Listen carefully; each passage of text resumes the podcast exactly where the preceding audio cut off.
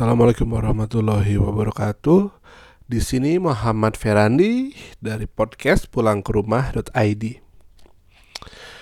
Membicarakan tentang pernikahan, banyak orang mengimpikan pernikahan yang bahagia.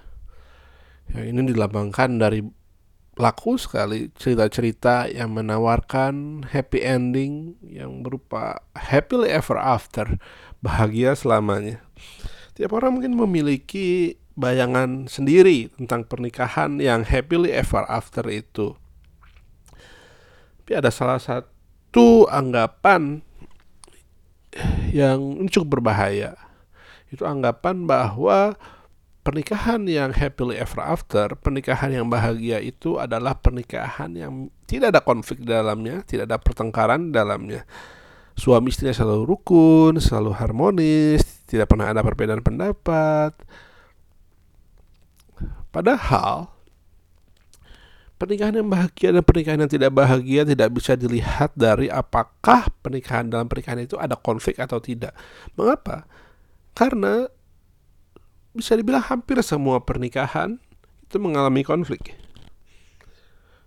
Pernikahan Rasulullah SAW sekalipun di dalamnya ada konflik. Jadi sudah ada berbagai hadis yang mengisahkan bagaimana Rasulullah berkonflik dengan Aisyah yang sampai-sampai mereka perlu mencari orang ketiga untuk membantu mendamaikan. Akhirnya dipilihlah Abu Bakar untuk mendam yang sebagai mertua Rasulullah dan ayah dari Aisyah untuk mendamaikan mereka bertiga.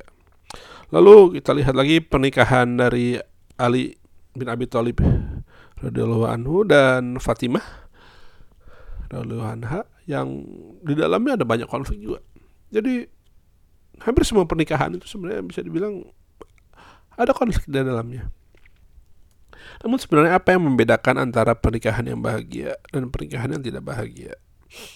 Pernikahan yang bahagia pasangan-pasangan yang sudah mengerti cara membuat pernikahan yang bahagia, mereka tahu cara berkonflik yang baik. Dan inilah yang akan dibahas di podcast episode keempat ini tentang cara berkonflik. Bagaimana pasangan suami istri perlu menghadapi konflik, perlu memiliki mindset terhadap konflik yang baik sehingga konflik itu tidak menghancurkan pernikahan, tidak menghancurkan rumah tangga, tapi justru konflik yang ada membuat pernikahan semakin kuat. Konflik yang ada membuat Pasangan suami istri sama-sama merasa didengarkan, sama-sama merasa dipahami oleh pasangannya, sehingga konflik itu akhirnya menguatkan ikatan pernikahan antara mereka berdua. Dan dengan kuatnya pernikahan, alhasil kuatnya ikatan pernikahan, alhasil akan ada banyak hal produktif yang dibangun dalam keluarga. Nah, ngomong tentang konflik, ini bakal dibagi jadi beberapa podcast yang kali ini akan saya bahas tentang bagaimana cara memulai konflik. Cara memulai konflik ini penting untuk dipelajari. Mengapa? Karena di dua episode sebelumnya saya sudah menyinggung satu psikolog yang bernama Gottman yang dia meneliti ribuan pasangan yang pasangannya mulai dari yang sangat bahagia sampai terancam bercerai. Dan salah satu temuan yang Gottman dapatkan adalah hampir semua konflik angka tepatnya 96% konflik itu bisa diprediksi hasil akhirnya dengan memperhatikan 3 menit pertama. Artinya apa? Ini kalau kita melihat atau di dalam rumah tangga kita, kita mengalami konflik dengan pasangan, entah ada perbedaan pendapat atau mungkin ada perilaku kita yang tidak disukai oleh pasangan, lalu dia mengutarakan uh, pemikirannya, perasaannya, pemikirannya yang dengan harapan supaya pernikahan menjadi lebih baik dan ternyata hasilnya itu bisa dilihat hanya dengan memperhatikan tiga menit pertama saja. Kalau tiga menit pertama itu sudah ada tanda-tanda, tanda-tanda kalau konflik itu buruk, cara memulai konfliknya itu jelek, yang kalau Gottman menyebutnya harsh startup, cara memulai konflik yang kasar, itu bisa dipastikan 96% kemungkinannya hasil akhir dari konfliknya itu akan ini seperti apa? Misalkan tadi ya, kalau cara memulai pertengkarannya buruk, tanda-tandanya ada, itu hasil akhirnya justru konflik itu malah memperparah hubungan pernikahan. Tapi kalau ternyata cara berkonfliknya baik, yang Gottman menyebutnya soften the startup, cara memulai pertengkaran yang halus, itu justru konfliknya bakal menghasilkan uh, solusi yang bisa disepakati oleh kedua belah pihak. Ya mungkin teman-teman juga pernah saya entah mungkin mengalami ataupun melihat bagaimana ada konflik-konflik yang justru membuat hubungan bertambah parah, tapi ada juga konflik-konflik yang membuat hubungan bertambah baik. Nah, dari sinilah dengan kita mengetahui apakah cara kita memulai konflik itu sudah baik atau tidak, kita bakal membuat konflik-konflik yang ada di rumah tangga kita justru malah memperkuat pernikahan yang kita miliki. Konflik yang buruk itu ada beberapa cirinya.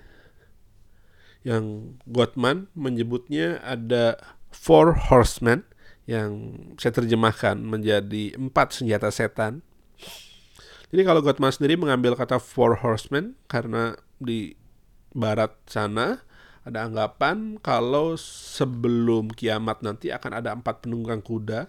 Yang empat penunggang kuda itu yang menjadi tanda kalau akan terjadi apokalips ya kiamat. Tapi sebenarnya eh, empat tanda ini itu menandakan kalau konflik ini bisa membuat pernikahan menjadi diambang bahaya. Dan pasangan suami istri tidak ingin sama-sama sebenarnya sama-sama tidak ingin membuat pernikahan mereka berdua menjadi bahaya. Ya, tidak ada yang saat mereka menikah lalu ingin supaya oh saya mau membuat kehidupan pasangan saya menderita sampai akhirnya pasangan saya ingin bercerai dengan saya. Itu mungkin hanya orang-orang yang sakit jiwa yang memiliki niat seperti itu. Tapi perlu disadari bahwa ada pihak ketiga yang ingin mencerai-beraikan rumah tangga. Itu siapa? Itulah setan. Setan berupaya untuk menggelincirkan manusia dari jalan yang lurus dan salah satu upaya yang sangat diapresiasi oleh bosnya setan yaitu iblis adalah saat setan berhasil menceraikan dua hamba Allah menjadi bercerai. Bagaimana cara setan menceraikan? Jadi Gottman melihat ada pola-polanya yang ini akhirnya saya adaptasi, saya terjemahkan menjadi empat senjata setan. Empat senjata setan ini yang pertama adalah mengkritik, mengkritik pribadi pasangan, yang kedua merendahkan pasangan, yang ketiga defensif, yang keempat adalah menutup diri.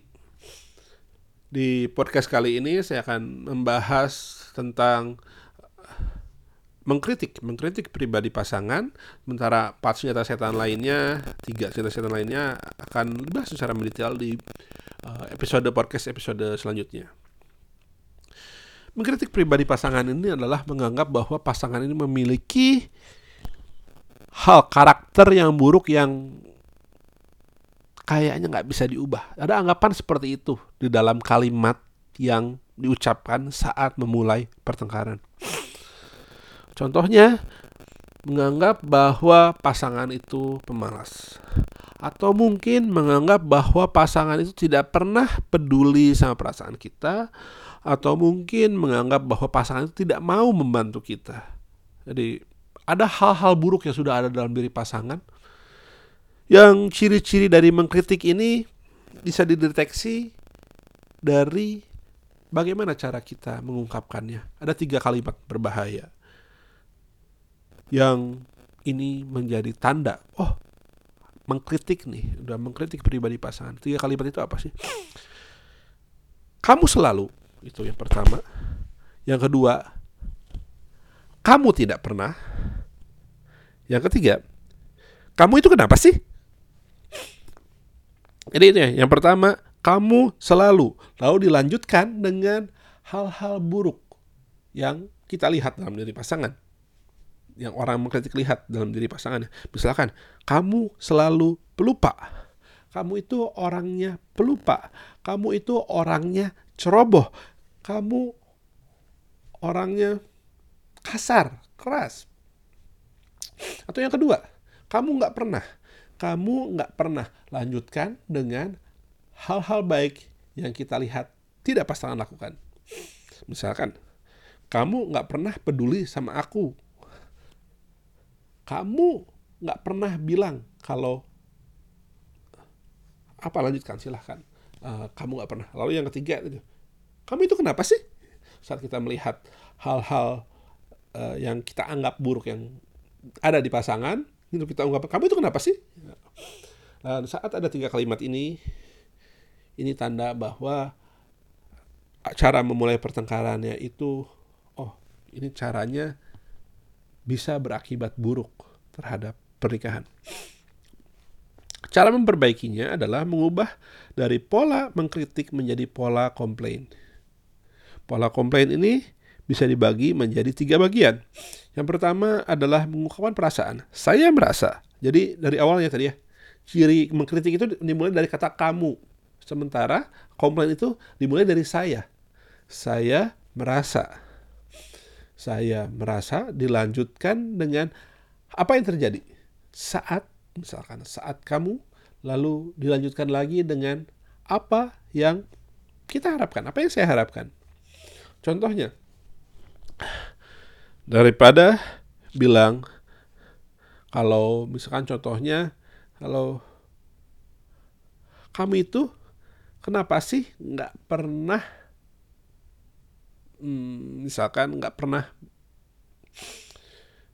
nggak pernah kamu itu nggak pernah datang tepat waktu bisa diubah menjadi saya merasa saya merasa kesal atau saya merasa sedih saya merasa kecewa. Tinggal tergantung apa yang kita rasakan. Saya merasa kecewa saat kamu datang terlambat di misalkan kencan yang sudah kita janjikan atau pulang terlambat saat kamu pulang ke rumah terlambat. Lalu dilanjutkan dengan yang bagian yang ketiga yang kita harapkan.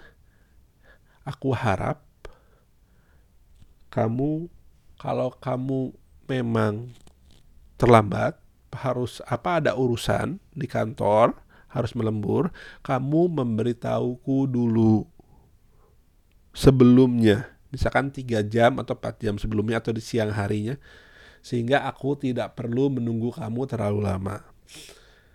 Hal itu. Jadi di bagian ketiganya ini lanjut. Kita perlu menyebutkan apa yang kita harapkan bukan apa yang tidak kita harapkan. Misal jadi bisa saja misal aku harap kamu nggak pernah terlambat lagi. Jadi dan pasangan sebenarnya apa yang nggak kita harapkan itu membuat pasangan menjadi bingung. Apa yang uh, diharap apa yang kita inginkan sebagai uh, pasangannya ya. Sementara saat kita mengungkapkan apa yang kita harapkan pasangan menjadi tahu oh ini yang bisa saya lakukan.